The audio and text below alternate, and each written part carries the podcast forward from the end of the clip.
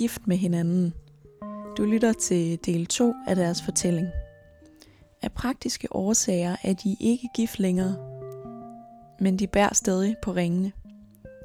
Emiliam er mand, og Moon er non-binær. Faktisk så er de slet ikke kærester. Ægteskabet var platonisk. De fejrede det at være bedste venner. For som Moon fortæller, så er det meget normalt i LGBT plus miljøet, at man fejrer det på den måde. De fortæller, at mange har et forkvaklet forhold til familien, og derfor kan man lige så godt fejre alle slags kærlighed, også den platoniske. Jeg har været på besøg hjemme i kollektivet hos Emiliam og Moon, og de har hver især delt deres historie med mig. Her i anden del fortæller Moon sin historie. Om hvordan det altid har føltes forkert at blive kaldt søster eller moster. Om hvordan pigerollen aldrig passede. Om at skifte pronomner, Om at starte på hormoner. Om at ikke ville have sine bryster. Men uden at ønske at være mand. For Moon er det vigtigt at vise, hvor svært et liv i en forkert krop kan være – at skabe fokus på, hvor dårlig en mental sundhed, der hersker blandt transpersoner i Danmark. Og at understrege vigtigheden af repræsentation. Du lytter til Stigma. Mit navn er Miriam Leander.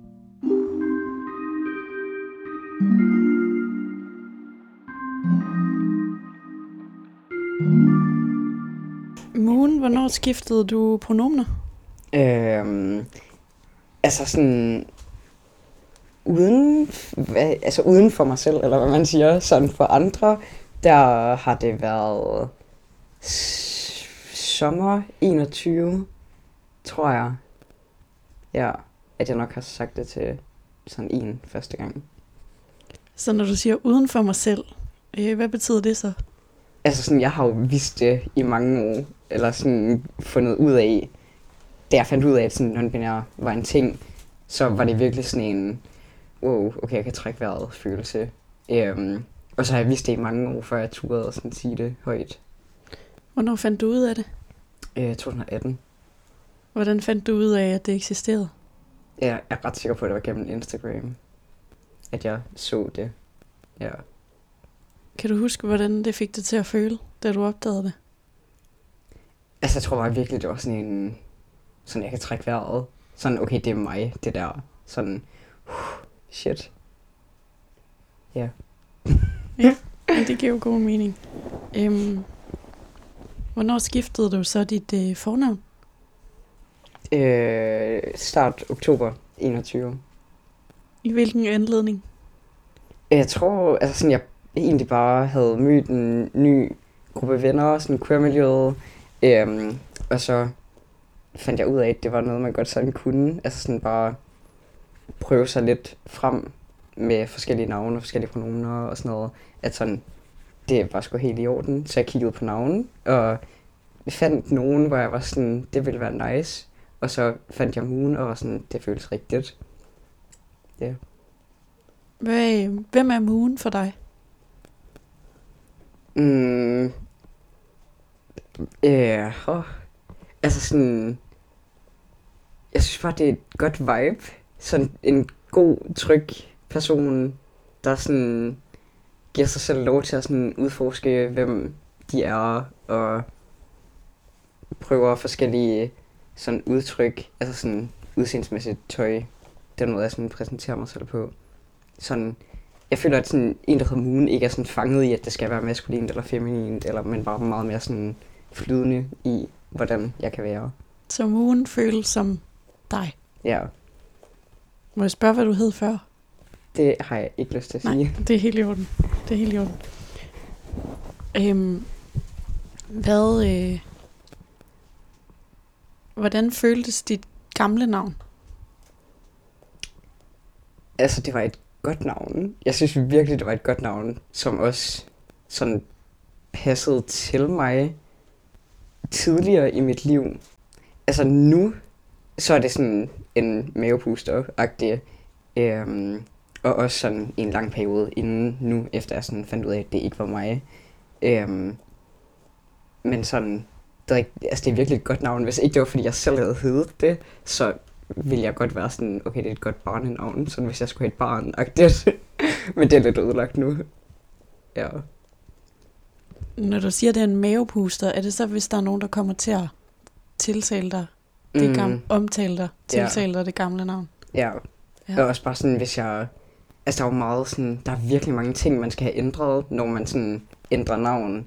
Altså, så sådan mit kørekort og dankort og bla bla, alle sådan nogle ting. Sådan, det står stadigvæk derpå, fordi det er pisse fucking dyrt at få nyt kørekort og nyt pas og bla bla bla.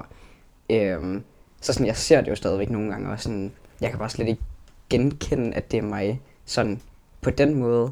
Men hvis folk i min familie siger det navn, så er jeg bare sådan, mm, sådan, det er ikke en god følelse.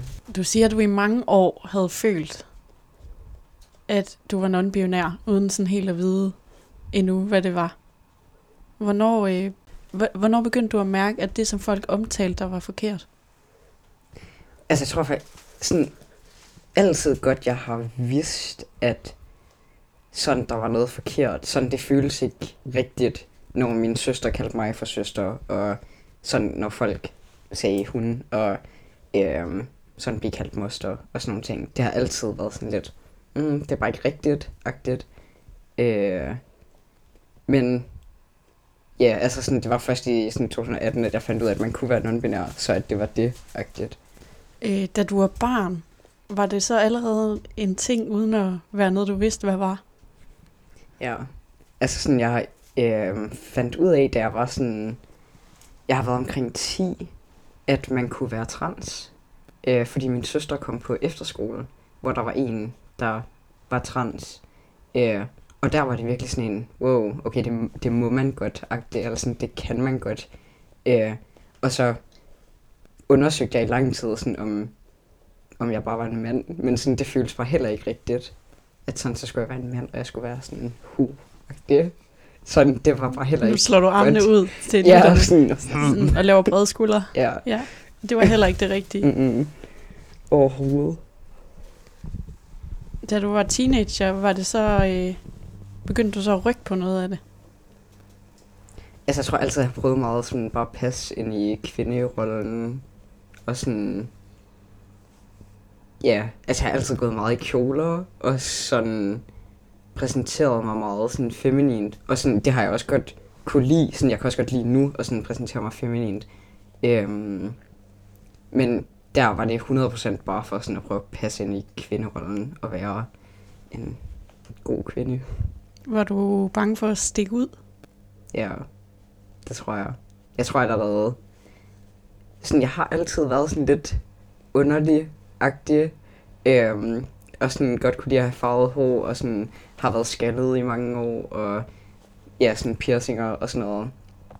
Øhm, og det, det har man ikke i den by, jeg kommer fra. Altså sådan, det er bare meget småt, og ja, man skal være pæn, blond, tynd. Der er sådan en måde at være pige på. Det. Oplevede du, at det var at der var nogen, der så skævt til, at du øh, stak uden for, hvad der var almindelig pige? Altså, jeg er altid blevet gloet rigtig meget på. Sådan siden jeg som har været 16, da jeg klædede mit hår af. Og sådan det, altså det har altid været en ting, at det er blevet kommenteret på, og folk i byen, sådan, hvis jeg skulle have sex med nogen, så var det sådan en, og jeg har aldrig været sammen med en, der var skaldet før, agtig og sådan noget. Altså sådan, ja, det har, alt, jeg har altid været underlig. Sådan aldrig passet ind rigtigt. Hvordan har det føltes som teenager? Øhm... Altså, det har ikke føles godt, men også, altså, jeg tror lidt, fordi jeg sådan godt, altså sådan, jeg har godt vidst, at jeg ikke har passet ind, så jeg har sådan, jeg har også lidt lavet værd med sådan at prøve at være ligesom sådan den pige, man burde være, agtig. Så jeg har ligesom bare været sammen med sådan The Outcasts, sådan de underlige typer. sådan dem, der tog stoffer og drak og havde sex og sådan noget. Da du klippede dit hår af som 16-årig, hvorfor gjorde du det? Jeg havde bare virkelig gerne ville det i så mange år, men ikke turet overhovedet. Øhm, og så havde jeg prøvet at farve mit hår lille, efter at jeg sådan havde haft sort hår, altså farvet sort hår i sådan fem år eller sådan noget. Så blev mit hår fuldstændig sådan fried, altså det blev fuldstændig ødelagt. Øhm, og så var jeg bare sådan, nu er det nu, at det skal gøres. Så jeg ringede til min mor og sagde, at jeg klippede mit hår af, og vi skulle til bryllup et par dage efter. Så hun var ikke glad og sagde, at det gør jeg fandme ikke. Og så gik mig og min søster ud og gjorde det. Så der havde du din søster med? Mm. Min søster har altid støttet mig lige meget, altså uanset hvad jeg gerne vil, bare så længe jeg er glad og passer på mig selv. Hvad har det betydet for dig? Alt. Altså, jeg ved virkelig ikke, hvem eller hvad jeg havde været, sådan, hvor jeg havde været uden hende. Er I to søskende? Ja. Ja, okay. Hvordan, øh, nu siger du, at din mor ikke tog så godt imod, at du klippede dig skaldet. Hvordan har dine forældre taget imod, at du gerne ville være moon? Altså, det er ikke rigtig, vi snakker ikke rigtig så meget om det. Sådan, det er bare...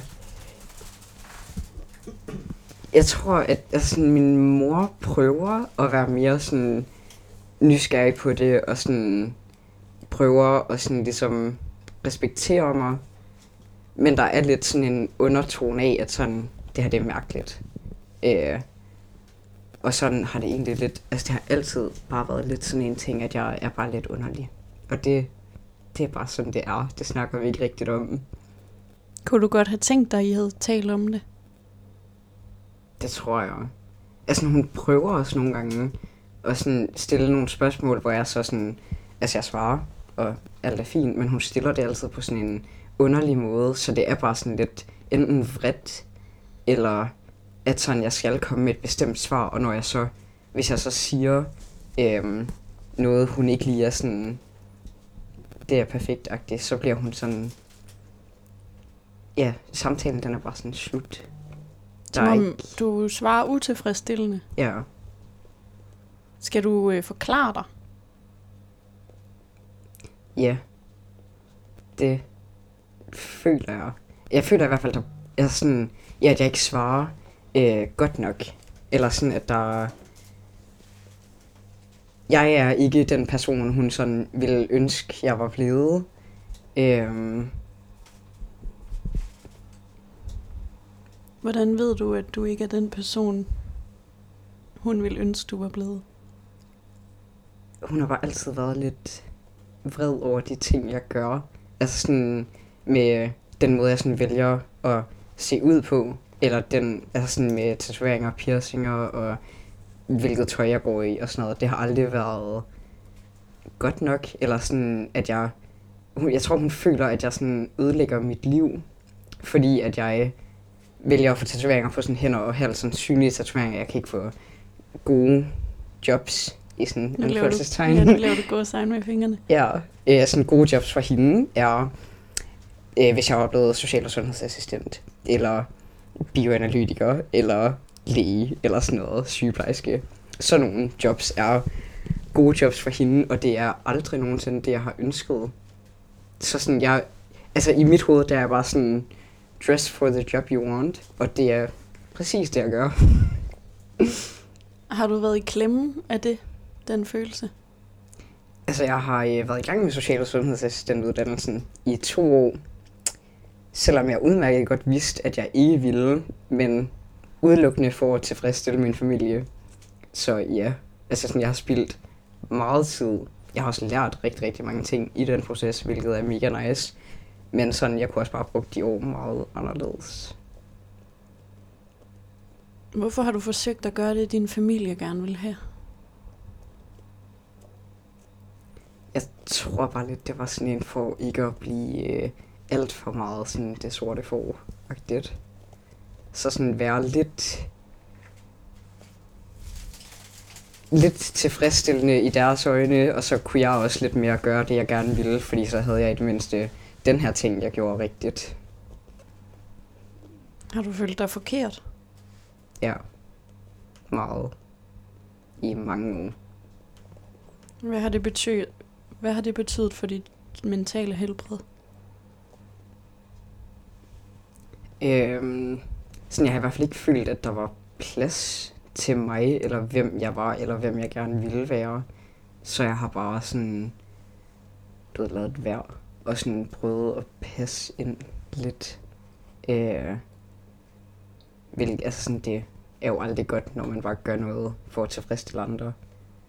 Så det var aldrig en god følelse, man sådan sidder tilbage med selv. Hvornår er du begyndt at følge det, du gerne selv vil?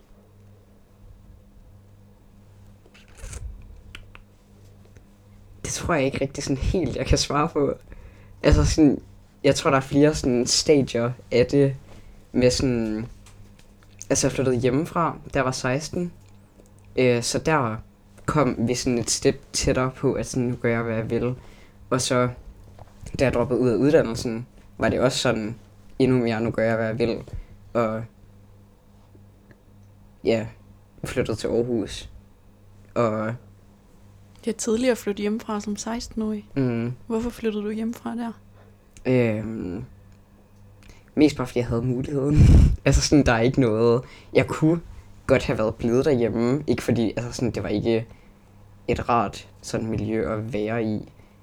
Men sådan, jeg havde bare muligheden. Det var ikke, altså jeg havde egentlig ikke engang selv sådan opsøgt det. Det var bare min søster, der flyttede ud af hendes lejlighed, og så var der nogen, der skulle overtage den, og så var det mig.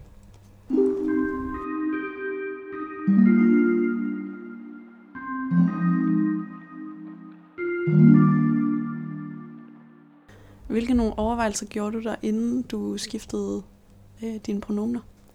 Altså jeg tænkte i rigtig, rigtig lang tid, om, sådan, om det var rigtigt, eller om det bare var noget, jeg fandt på.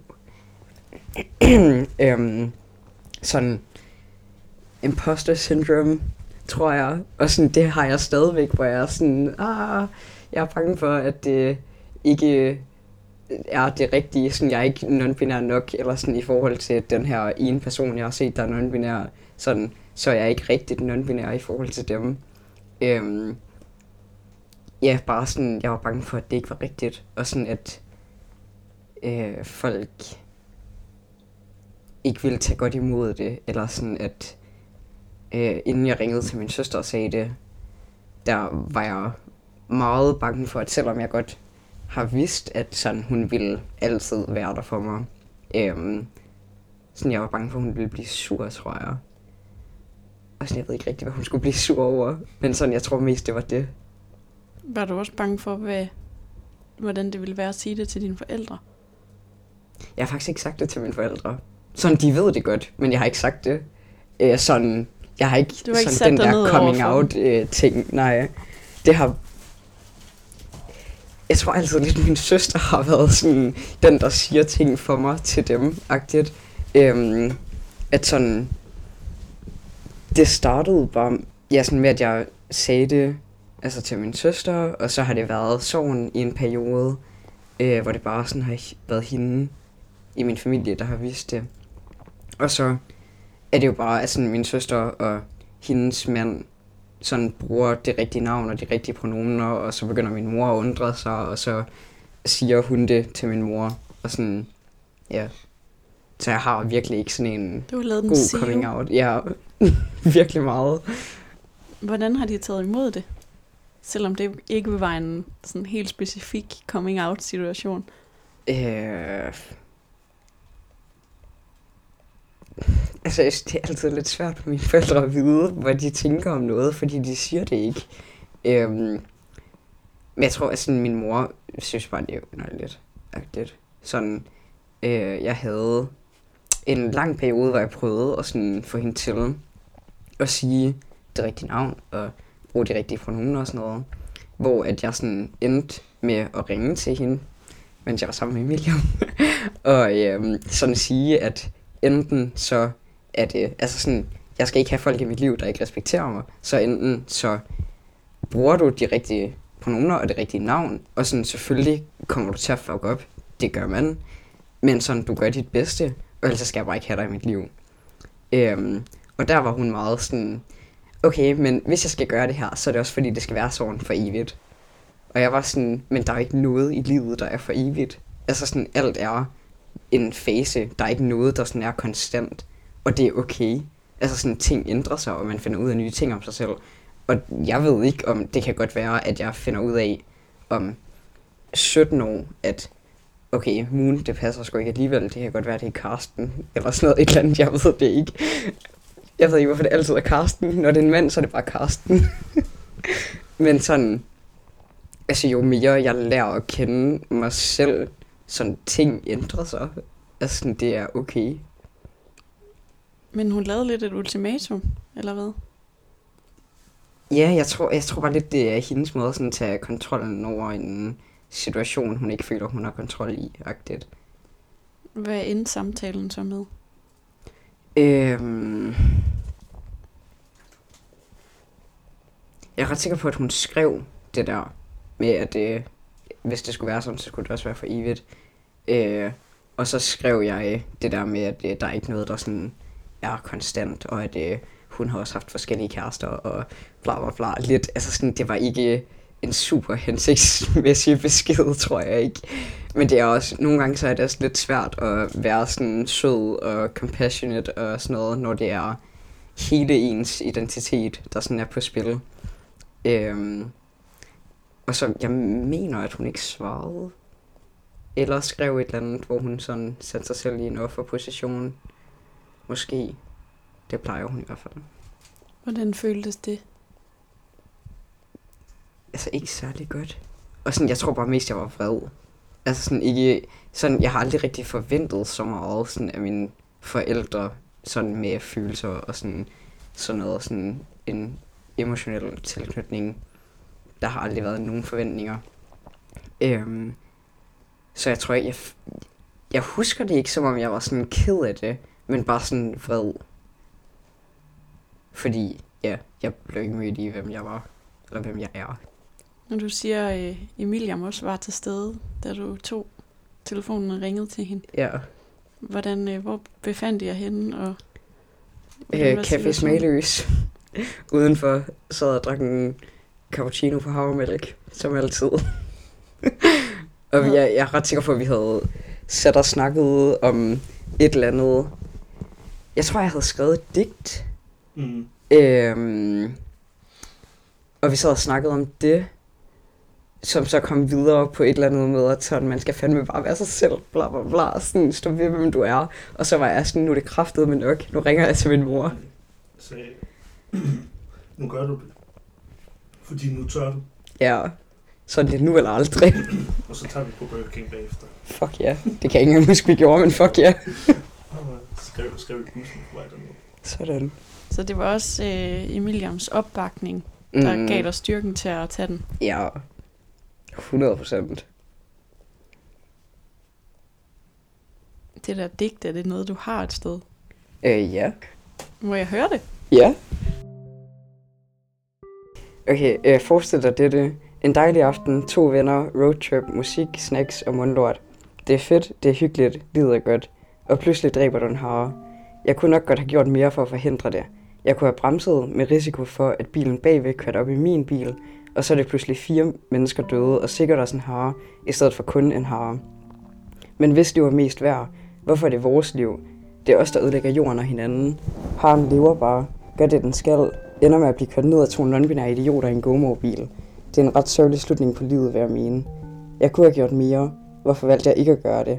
Man kan sige, at på samme måde som du ikke lyttede til mig, når jeg advarede dig om, at du ville dø, hvis du fortsatte, lyttede haren heller ikke. Øh, den løb uvidende over en motorvej med sin harlover ved sin side. De lyttede ikke til den farlige lyd af biler, der kom susende, eller måske gjorde de, men valgte at fortsætte alligevel. Måske en slags suicide mission, ligesom du var på M. Anyways, det var i hvert fald kun den ene har, der døde i det øjeblik. Jeg går i panik, kommer til at tænke på, at nu har harloveren mistet sin lover og begynder at tude. Jeg siger mine tanker højt og får svaret tilbage. Nå, jamen så har I begge to mistet en kæreste døden. Damn, det skal lige sænke ind. Min ven joker med min kæreste død. Respekt alligevel, det er modigt. Altså, jeg joker med det, men shit, det var også min kæreste, og min sorg, og min kærlighed, der sluttede. Så stop dig selv. Men på den anden side, please keep going, that shit's funny as fuck. Øh, Harens død og din død er faktisk ikke så langt fra hinanden. Selvom morfin og en gomorbil ikke ligefrem er det samme, men jeg prøver at sammensætte det alligevel. Fartegnene og advarslerne hjalp ikke på Haren og heller ikke på dig, M. Det nyttede ikke at tage dine ting og smide det ud. Du fandt nye ting, M. Ligesom Haren også bare havde fundet en anden motorvej, som den ville blive dræbt på. Men hvis den havde det, havde det ikke været mig, der havde dræbt den. Så havde jeg kun stået med din død i hænderne, M. Nu står jeg også med Haren, og sikkert også Harloveren stod. En sagde til mig, at en har kan dø af psykisk trauma og sorg. Jeg ved ikke, om det er rigtigt, men det er det sikkert. Så alt i alt står jeg med tre drab i mine hænder. Altså, min psykolog siger til mig, at jeg skal stoppe med at blame mig selv for din død, M. Hun siger, at jeg gjorde, hvad jeg kunne, og at det aldrig vil være mit ansvar. Men hvad fanden ved hun om det? Tror hun, hun er psykolog eller hvad? Hvad ville hun sige om Haren og Harloveren så?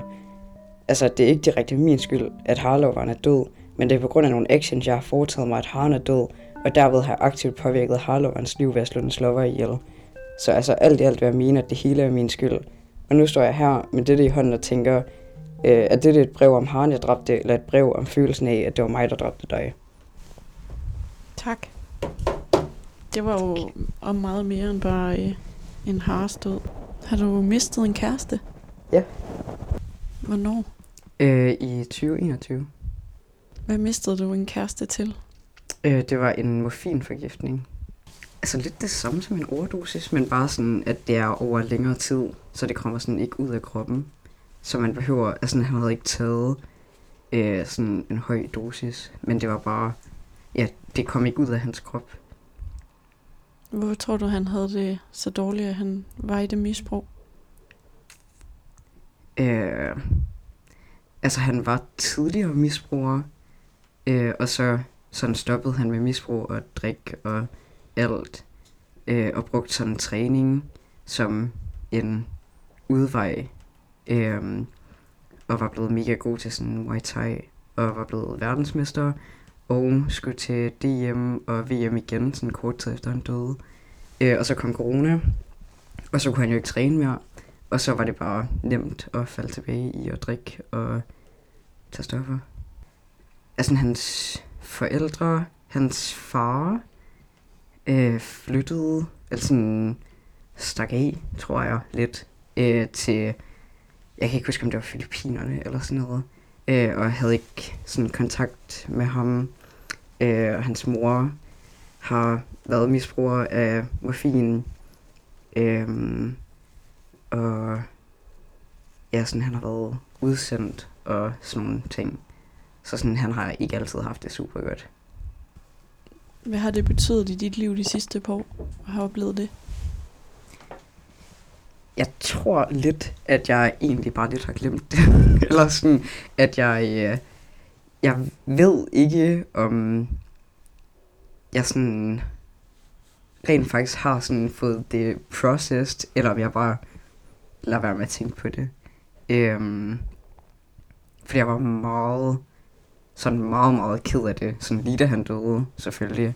Og i sådan ugerne efter. Og så har det egentlig bare været sådan en, det er sket ting. Øhm, så ja, jeg aner ikke om det er fordi, at jeg bare på mirakuløst vis bare har fået det processed på sådan tre uger. Eller om det er bare fordi, jeg prøver at glemme det.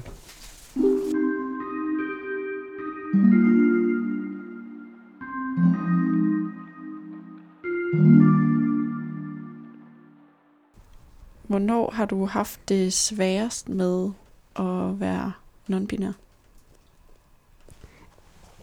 Altså, jeg tror lidt, det er sådan er en kontinuerlig svær sådan situation. Øhm, fordi sådan i starten, der var det jo sådan en, jeg ved det her, sådan jeg lyver for mig selv, og over for sådan min omgangskreds. Øh, ved ikke at sådan stå ved, hvem jeg er og sige det, og der var det fucking svært, fordi jeg hele tiden sådan gemte mig selv. Og ja, øhm, og så kom jeg ud og var sådan, hvad fuck gør man nu? Altså sådan, så er det sådan en, okay, vi er på hormoner, vi er top-up, altså sådan, hvad skal der ske? Og så finder man ud af, eller sådan, jeg fandt ud af, at jeg gerne ville have hormoner, øhm, og have top-up, og så er det CKI, og man er sådan, uh, nu har jeg endelig sådan fået det startet, og så er der halvandet års ventetid. Så der må du bare vente Øhm, så kommer man ind på CKI, og hvis man er heldig, har man en mega god behandler. Hvis man er uheldig, har man en ikke særlig god behandler. Øh, det er psykologer. Og ham jeg havde var ikke særlig rar. Øhm, og så er jeg blevet overflyttet til Aalborg, hvor det går godt, og sådan indtil videre er det mega nice. Jeg skal på CKI til januar, i starten af januar. Bliver sikkert godkendt til hormoner. Jeg fucking glæder mig. Øhm, Så alle de ting, du lige pludselig skulle tage stilling til, øh, skal vi lige tage dem en af gangen. Ja. Øhm, vil jeg på hormoner? Spurgte du dig selv om det? ja. Og, og så besluttede du, det vil du gerne. Mm. Og hvorfor vil du gerne det?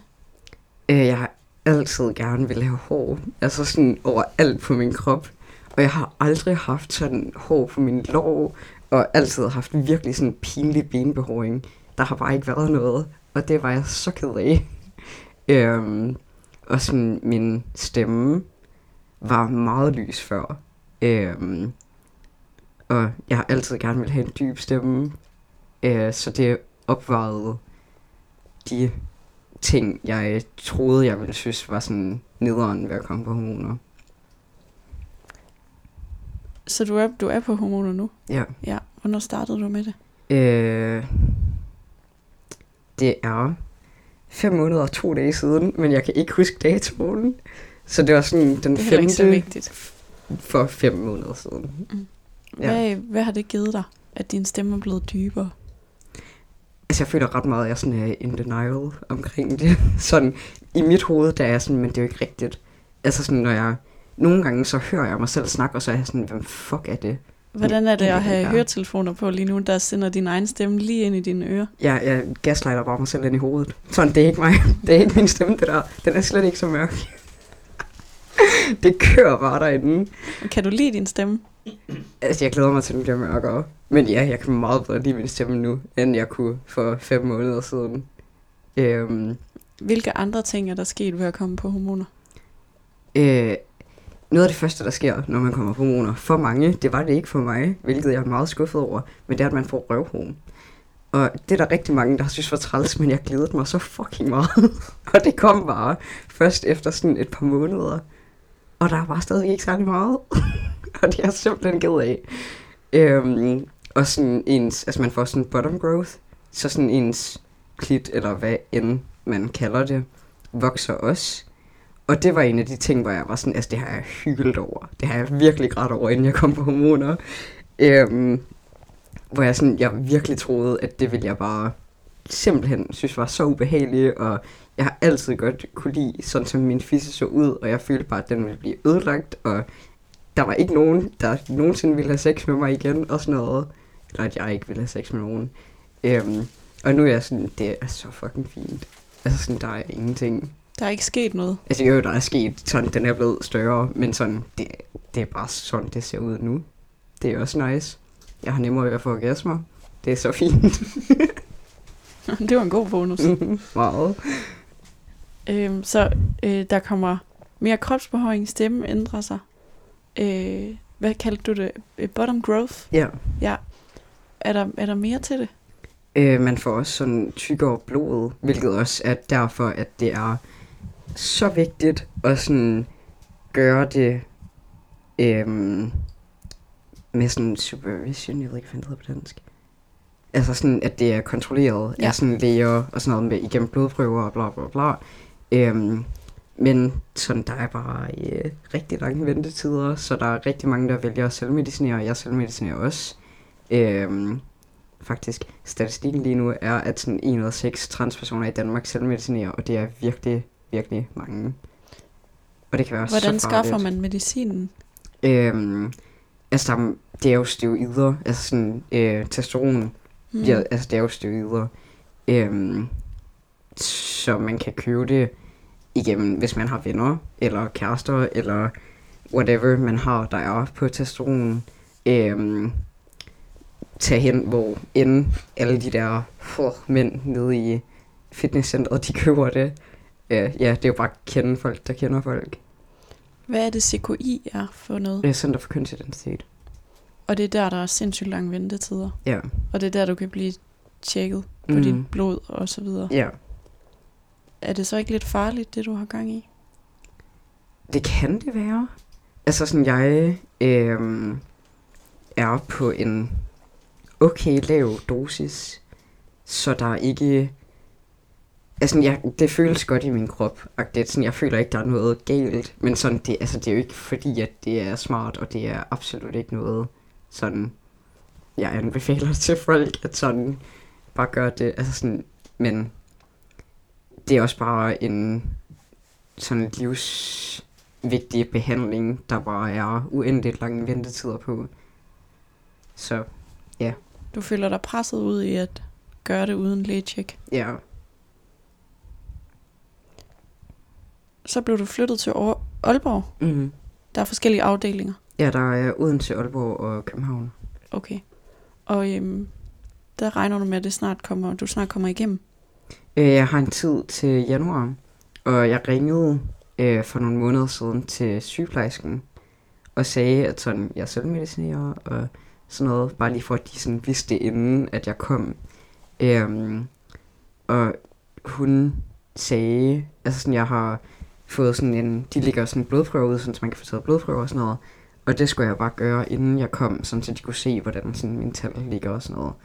Øhm, og hun altså forventede ikke, at det ville ødelægge noget for mig. Og sådan, ja. Hvad håber du, at de kan hjælpe dig med? Altså, jeg håber bare, jeg kommer på hormoner sådan lovligt, fordi det er fucking stressende ikke at vide, om jeg har hormoner lige om lidt. Øh, og sådan, det er også bare dyrt. altså, øh, og så kan jeg, ja, hvis jeg får det lovligt, så kan jeg også tage det med steder hen. Altså, hvis jeg bliver taget med øh, hormoner, sådan hvis jeg er ude at rejse eller et eller andet, og jeg bliver taget med det, så kommer jeg jo, så bliver jeg dømt for doping. Og sådan, det har jeg ikke lyst til. Det gider jeg faktisk ikke. Det Så kan det er jeg jo- da godt forstå. Pishammerende ulovligt. Mm. Og det er jo bare lidt stressende. Skal der ske mere end hormoner?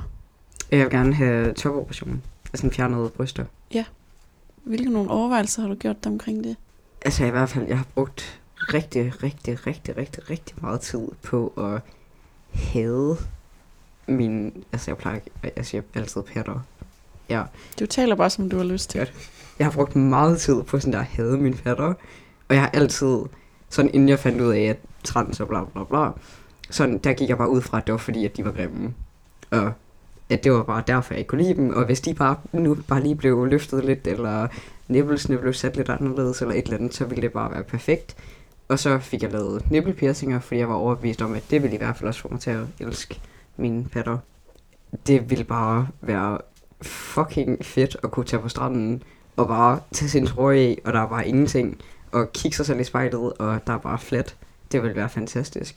Og sådan, det er bare den, der sådan, der- er meget sådan dysfori og sådan kønseufori, der bliver sådan snakket om, når, altså sådan i trans community og sådan noget. Og det er bare en mega sådan, det giver mig fucking meget sådan eufori, når jeg tænker på at ikke have patter. Så jeg er sådan, det er nok det rigtige. Når du øh, lukker øjnene og forestiller dig det, hvad er det så for et scenarie? Er det det, der er på stranden? Eller bare sådan et spejl, når man sådan går ud fra badet, Ja. og der er bare ingenting. Jesus Christ. Det må være fantastisk. Det er sådan, du bare ved, sådan vil jeg gerne se ud. Ja.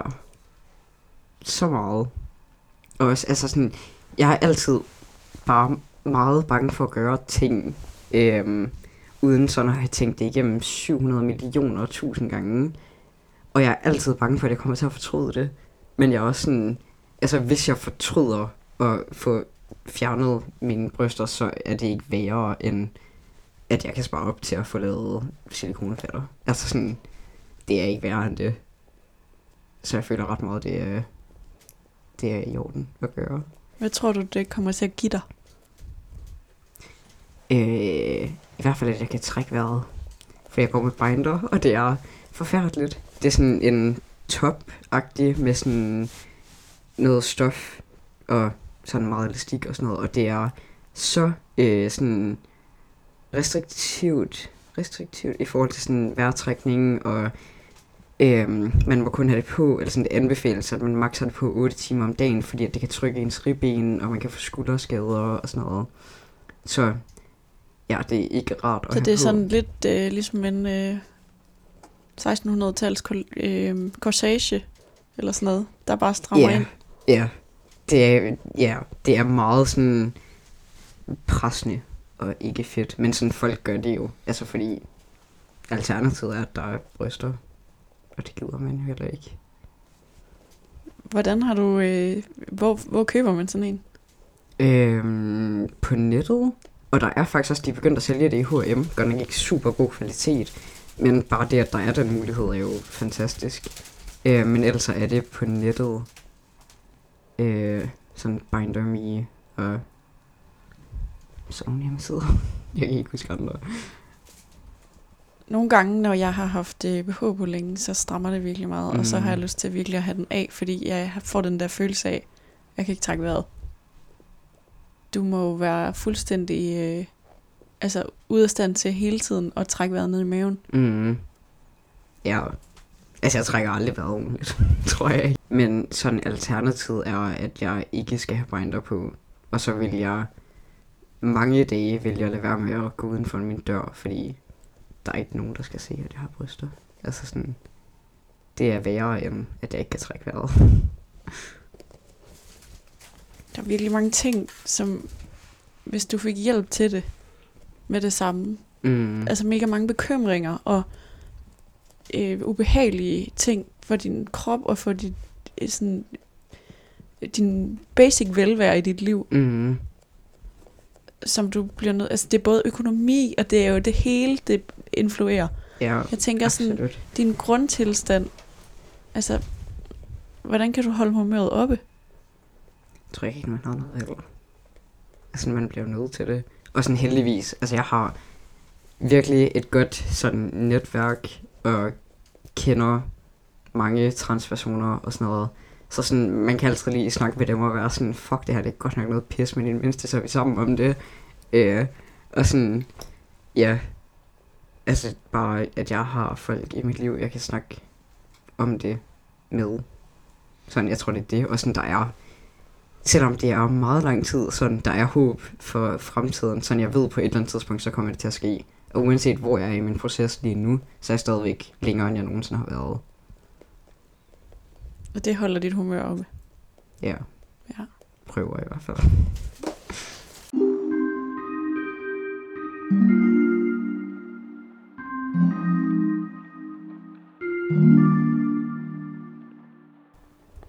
Øh, jeg læste i Information, øh, som skrev en øh, artikel om en rapport, hvor at øh, Københavns Kommune de havde lavet en øh, eller fået Statens øh, Institut for Folkesundhed til at undersøge, hvordan øh, mental sundhed er blandt transpersoner i Danmark. Og der er enorm mistrivelse. Altså det handler vel bare om, at det ikke er vigtigt nok. Som der ikke er nok transpersoner til, at det er noget, vi gider at gøre noget ved. Rigtigt. Øh, og sådan folk forstår ikke, hvor sådan livsvigtige behandling det er. Øh, og sådan selvmordsretten inden for transpersoner er jo også sindssyg i forhold til sådan for cis-personer. Sådan, det er jo vildt. Og det er sådan, der var ikke... Folk gider ikke at bruge pengene på det.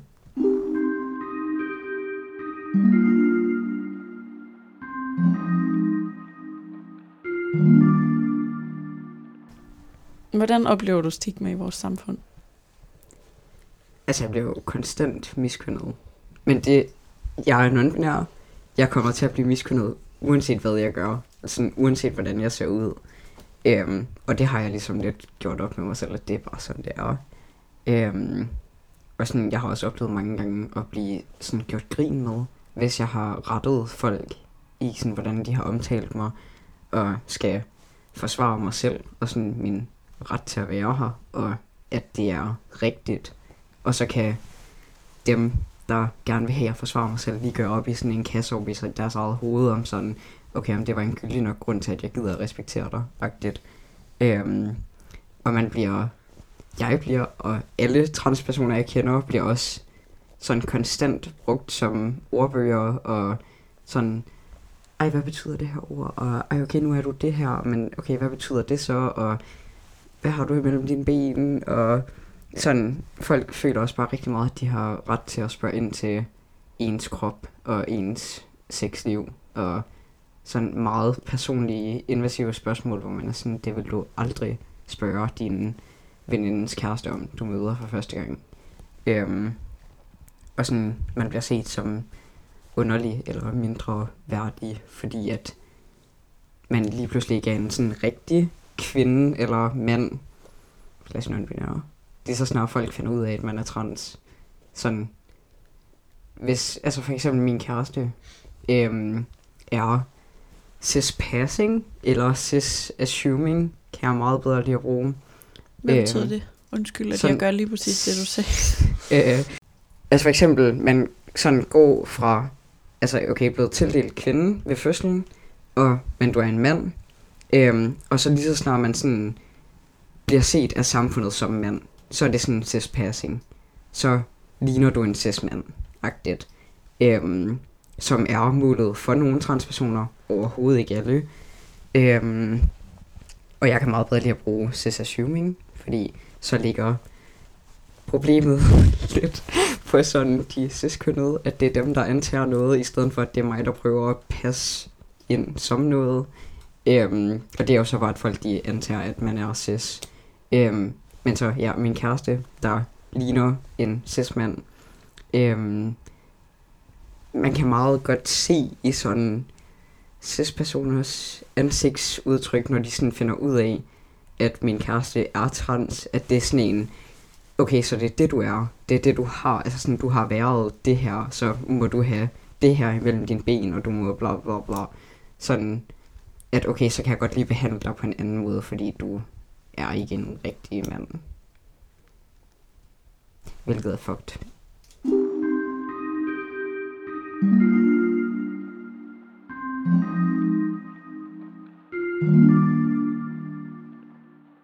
Vores samfund, hvordan ville det se ud, hvis du skulle tegne det, som det kunne se ud ideelt?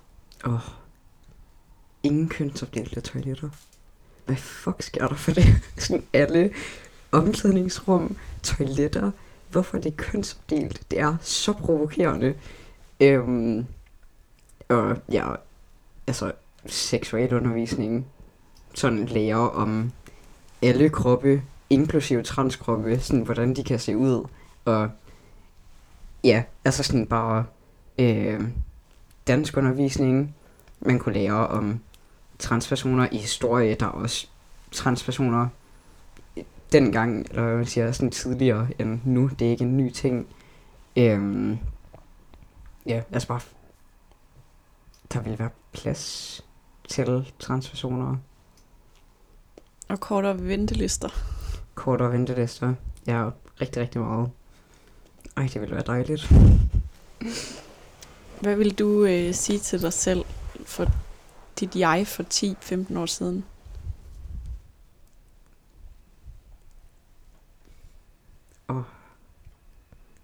Jeg tror, jeg vil give mig selv en krammer og sige, at jeg er fucking sej. Og at det er okay at være den, jeg er. Og at der ikke er noget i vejen med det. I dag er du så helt 100% sikker på, ind i dig selv, at der ikke er noget i vejen med at være, som du er? Er du nået så langt? Altså, jeg tror aldrig, jeg sådan der vil sige, at jeg er 100% sikker på noget som helst. Men sådan, det føles godt og rigtigt og okay. Og okay, men på den samme tid, så er jeg heller aldrig i sådan cis spaces, fordi jeg ikke kan lide at være det. Det er et bevidst fravalg. Ja, så ofte som jeg kan i hvert fald. Sådan nogle gange, så bliver man nødt til det. Hvorfor vælger du det fra? Fordi at jeg ikke, hvis jeg skal i byen for eksempel, øhm, sådan jeg gider ikke at tage ned på vinstuen og sidde og skal bruge min aften på at retfærdiggøre, at jeg har lov til at være her, og at folk de skal respektere mig. Og sådan, sådan noget, så vil jeg hellere bare... Skal du det, hvis du tager ned på vinstuen? Absolut. Der er mindst én tidsmand, der kan grine med mig hver gang. Hvordan tror du, at det, kulturen i vores samfund ændrer sig, så du ikke skal forsvare dig selv på vinstuen i fremtiden? Altså, man skal jo bare lære om, at transpersoner eksisterer, og sådan repræsentationen. Altså sådan, man kan sagtens øh, i bøger, i sådan børnehaveklasser og sådan noget, bare have en transperson som karakter, og ja, er sådan bare fucking repræsentation. Det betyder noget.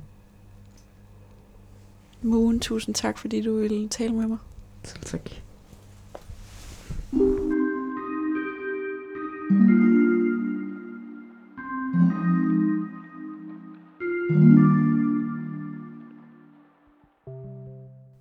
Du har lyttet til årets aller sidste episode af Stigma. Det er også afslutningen på Stigma-programmet, så jeg vil bare sige tusind, tusind tak til dig derude, der har lyttet med hele vejen. Det er jeg enormt stolt af og utrolig taknemmelig for. Du er selvfølgelig stadig meget velkommen til at henvende dig til mig, enten på Instagram på profilen stigma underscore univers, eller på min egen profil, Miriam Leander, eller ved at sende mig en mail til mile 247dk med ris, ros, spørgsmål og eller kommentarer. Stigma-programmerne var tilrettelagt og produceret af mig, og jeg var også din vært. Mit navn det er Miriam Leander.